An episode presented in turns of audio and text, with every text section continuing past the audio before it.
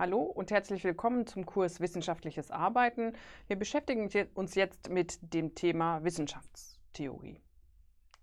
Wenn ihr diese Lektion durchgearbeitet habt oder angehört habt, dann solltet ihr wissen, welche wesentlichen Merkmale in der wissenschaftlichen Forschung existieren, was Forschungsparadigmen sind und welche Bedeutung sie in der Wissenschaft haben und welche wesentlichen Grundentscheidungen in der Forschung zu unterscheiden sind.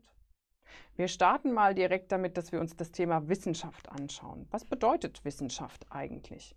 Wissenschaft ist die systematische Forschungstätigkeit. Und das Entscheidende ist bei der Wissenschaft, dass Wissen generiert wird. Das kann neues Wissen sein, das kann aber auch aufbauendes Wissen sein. Und dieses Wissen wird als wahr angenommen.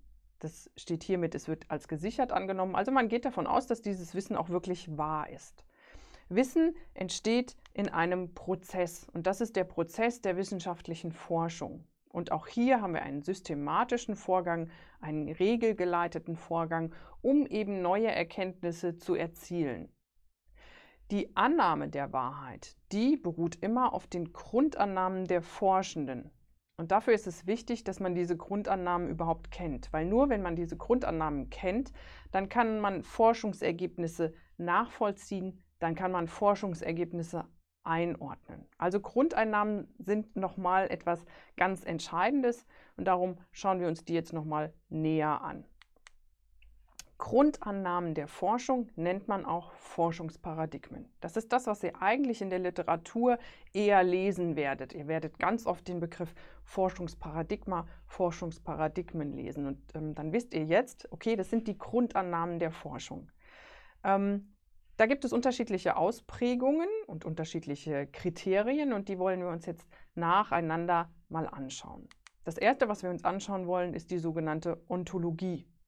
Die Ontologie beschäftigt sich mit der Frage, was ist Wahrheit? Was kann ein Mensch letztendlich überhaupt Wahres aussagen über bestimmte Dinge, über Sachverhalte? Das zweite ist die Epistemologie oder auch Erkenntnistheorie.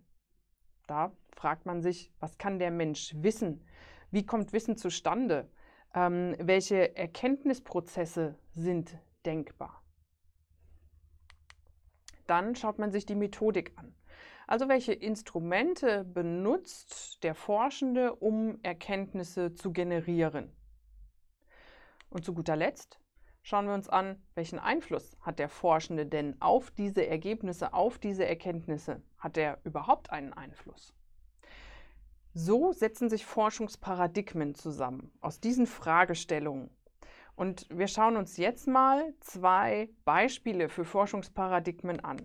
Das ist das erklärende Paradigma und das verstehende Paradigma oder auch Positivismus und Konstruktivismus genannt. Und das gehen wir jetzt einmal anhand der Paradigmen durch, damit ihr versteht, was versteckt sich dahinter. Wir fangen mit dem erklärenden Paradigma an, also mit dem Positivismus.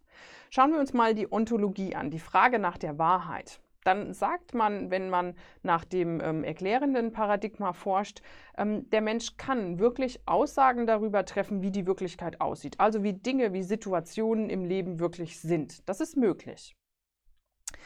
Bei der Frage, wie Wissen generiert wird, bei der Epistemologie, da sagt man, es handelt sich in dieser Forschung eigentlich um objektivierbare Zustände. Also ich kann Erkenntnisse gewinnen, die ich wirklich messen kann, wo ich wirklich ein Zahlenergebnis habe. Und dieses Ergebnis hat dann auch Bestand für mehrere Personen. An dieser Zahl kann ich nicht rütteln. Die besteht da und die sagt etwas Bestimmtes aus. Wenn wir uns die Methodik anschauen, dann geht man da sehr stark experimentell vor, standardisiert und quantitativ. Experimentell wäre zum Beispiel, dass ihr naturwissenschaftlich forscht und ein Experiment durchführt. Ähm, standardisiert wäre, man ähm, führt eine schriftliche Befragung durch mit ganz vielen Fragen oder einigen Fragen, die bestimmte Antwortmöglichkeiten schon vorgegeben haben meistens. Und quantitativ, da sind wir in der zahlenmäßigen Forschung, also da kriegen wir Zahlen als Ergebnis raus. Der Einfluss des Forschenden ist dann auf die Ergebnisse eigentlich weitestgehend ausgeschlossen, weil ich kriege Zahlen als Ergebnis, die kann ich gegenüberstellen, die kann ich miteinander in Verbindung setzen und kann daraus dann wieder eine Zahl generieren und die ist dann mein Ergebnis, die ist mein Erkenntnisgewinn. Das wäre der Positivismus. Demgegenüber steht das verstehende Paradigma, also der Konstruktivismus. Bei der Frage nach der Wahrheit, bei der Frage nach der Ontologie ist man hier eher auf der Seite, dass man sagt, die Wahrheit, die entsteht aus dem Denken, aus dem Denken des Forschenden. Und das ist geprägt aufgrund von Erfahrungen, auf Haltungen, aufgrund von Einstellungen. Das kann jetzt also die Wahrheit des ähm, Forschenden sein, aber auch die Wahrheit derjenigen, die ich befrage, mit denen ich spreche. Weil das, was ähm, entscheidend ist, wenn wir die ähm, Erkenntnisgewinnung uns anschauen, also die Epistemologie beim verstehenden Paradigma, dann sagt man, das sind klassisch subjektive Erkenntnisse, die man daraus zieht. Die entstehen, indem ich mir Interaktionen von Menschen anschaue, indem ich Interpretationen vornehme für bestimmte Sachverhalte. Deswegen sind die Methoden hier auch anders. Hier ist viel interpretativ geforscht, ähm, qualitativ geforscht, also textbasiert oder als Ergebnis aus Gesprächen, das man als Forschender führt. Und hier ist der Einfluss des Forschenden wesentlich stärker, weil hier, wie gesagt, subjektive Entscheidungen getroffen werden. Es wird ähm, eine Interpretation der Erkenntnisse herausgezogen und die könnte theoretisch, ähm, meine Interpretation als Forschender könnte eine andere sein als die eines anderen. Von daher sind wir da nicht so stark geleitet, wie wir das jetzt ähm, beim Positivismus sind, wo wir Zahlen rausbekommen. Also das ist der Konstruktivismus, demgegenüber steht der Positivismus. Das sind beides ähm, extreme Forschungsparadigmen. Es gibt dazwischen noch Zwischenformen, aber das sind so die gängigen Extremen, dass man einfach versteht, okay, wo liegt der Unterschied. Wenn wir jetzt die Forschungsparadigmen kennen, dann können wir uns als nächstes anschauen, welche Grundentscheidungen kann ein Forschender denn treffen und muss ein Forschender auch treffen, wenn er Forschung durchführen will? Ähm, wie führe ich meine Analyse also durch? Das Erste, was wir uns hier anschauen wollen, ist, dass man erstmal entscheiden muss, welche generelle Forschungsstrategie man denn überhaupt durchführt oder welche man verfolgt. Das kann die quantitative Forschung sein und die qualitative Forschung. Beides haben wir eben kennengelernt, also einmal eher zahlenbasiert, einmal eher auf ähm, Texten interpretativ ausgelegt. Manchmal funktioniert für meine Forschungsfrage, die ich beantworten will, aber weder das eine noch das andere genau richtig. Und es wäre gut, man könnte beides miteinander verbinden. Das geht auch. Dann spricht man vom Methodenmix oder der Triangulation. Dann ist noch die Frage, wie schließt man denn eigentlich wissenschaftlich? Und da unterscheidet man nach der Deduktion und nach der Induktion. Deduktion bedeutet, man schließt vom Allgemeinen aufs Spezielle, also auf den Einzelfall. Man hat zum Beispiel eine Theorie, die schaut man sich an und die bricht man auf einen Einzelfall herunter und schließt daraus. Genau umgekehrt geht es bei der Induktion. Da schaut man sich einen Einzelfall an und schließt dann daraus auf das Allgemeine. Also zum Beispiel, ich führe ein Gespräch mit einer Person und ich schließe aus diesen Ergebnissen auf einen Allgemeinzustand, wobei meistens ein paar mehr Gespräche als nur eins geführt wird. Dann ist noch die Frage, wie verwenden wir Daten oder welche Daten verwenden wir? Das können Primärdaten sein oder Sekundärdaten. Primärdaten werden wirklich nur für diesen Forschungszweck erhoben. Die gibt es also vorher noch nicht. Ich muss als Forschender selbst Daten erheben. Oder ich benutze Sekundärdaten, dann existieren schon Daten, die sind für einen anderen Zweck erhoben worden und die kann ich jetzt verwenden und darauf meine Forschung aufbauen. Und dann kommt noch die Frage, wie führe ich Forschung jetzt wirklich durch, experimentell oder nicht experimentell. Experimentell wäre zum Beispiel, wenn ich im Labor einen Versuchsaufbau gestalte, wo ich genau darstellen kann, wie Dinge aufgebaut sind und wie sie vielleicht interagieren können. Nicht experimentell nennt man auch Feldforschung, weil man da ins Feld geht, also daher kommt der Begriff. Ähm, das, da ist man genau in der Umgebung, äh, die man wirklich analysieren will. Da sind äußere Einflüsse möglich und das muss man auch berücksichtigen in seiner Forschung.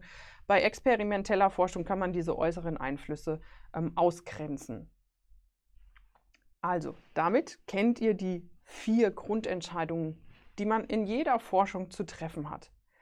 Und diese vier Grundentscheidungen, die richten sich wirklich danach, welche Forschungsfrage ihr stellt. Deswegen ist die Forschungsfrage so wichtig. Wenn ihr da wisst, was ihr überhaupt rausfinden wollt, dann könnt ihr unter oder rausfinden, welche ähm, Entscheidungen ihr zu treffen habt. Deswegen haben die immer einen Einfluss auf das sogenannte Forschungsdesign. Das sind alle Entscheidungen, die ihr als Forschender trefft, wie ihr eure Forschung aufbaut, welche Schritte ihr einleitet. Also Forschungsparadigmen sind dafür ganz entscheidend. Wir gucken uns das mal an zwei unterschiedlichen Strängen an, die ich hier auf der Grafik habe. Wenn ihr zum Beispiel eine Forschungsfrage stellt, die geschlossen ist, oder ihr wollt ein zahlenmäßig ausdrückbares Ergebnis haben, dann seid ihr eher im erklärenden Paradigma, also im Positivismus unterwegs. Und dann werdet ihr eher quantitativ forschen, weil ihr wollt ja Zahlen und nicht großartig interpretieren. Die Art des Schließens ist dann meistens deduktiv. Ähm, also ähm, der Positivismus geht meistens vom Allgemeinen auf das Spezielle oder auf den Einzelfall.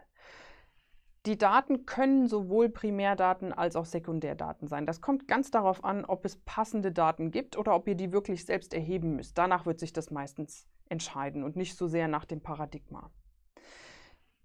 Wenn ihr jetzt aber eine offene Frage stellt und ihr wollt zum Beispiel Meinungen, Haltungen, Erfahrungen, Einstellungen, Wertungen rausfinden, dann seid ihr da eher im Konstruktivismus unterwegs ähm, also im verstehenden Paradigma, weil ihr wollt ja menschliches Verhalten verstehen. Und dann werdet ihr eher qualitative Forschungsmethoden anwenden. Also ihr werdet Gespräche führen mit Probanden und werdet rausfinden, ähm, wie stehen die denn zu gewissen Sachverhalten. Das kann man schwieriger über einen standardisierten Fragebogen machen. Da muss man wirklich mit den Menschen einfach sprechen. Meistens ist es so, dass ihr dann induktiv vorgeht, also dass ihr von den Einzelfällen, die ihr untersucht, auf das Allgemeine zum Schließen kommt. Das kann aber auch deduktiv sein, je nachdem, ähm, wie ihr vorgeht. Und auch hier ist wieder die Frage, gibt es schon Daten, die ihr verwenden könnt? Wenn ja, dann könnt ihr darauf aufbauen und arbeitet mit Sekundärdaten. Oder ihr hebt diese Daten selbst, ihr führt selbst diese Gespräche, dann habt ihr Primärdaten. Damit seid ihr jetzt ziemlich gut aufgestellt, was die Wissenschaftstheorie angeht. Ihr wisst also, dass Wissenschaft die Schaffung neues Wissens, neuen Wissens ist. Ihr generiert neues Wissen und das immer durch einen systematischen Forschungsprozess. Dann wissen wir, was Forschungsparadigmen sind. Und wir wissen, dass das die fundamentalen Annahmen der Forschenden sind und dass die letztendlich unsere Forschung beeinflussen, wobei das Entscheidende immer die Forschungsfrage ist, daraus leitet sich alles ab. Und dann trefft ihr letztendlich Grundentscheidungen in der Forschung. Das kann die generelle Forschungsstrategie sein, quantitativ, qualitativ oder Triangulation. Das kann das wissenschaftliche Schließen sein. Wie schließe ich? Über Deduktion oder Induktion. Das können die verwendeten Daten sein, Sekundär- oder Primärdaten.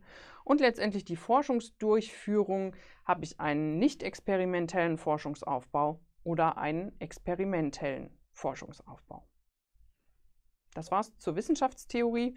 Vielen Dank fürs Zuhören und bis zum nächsten Mal.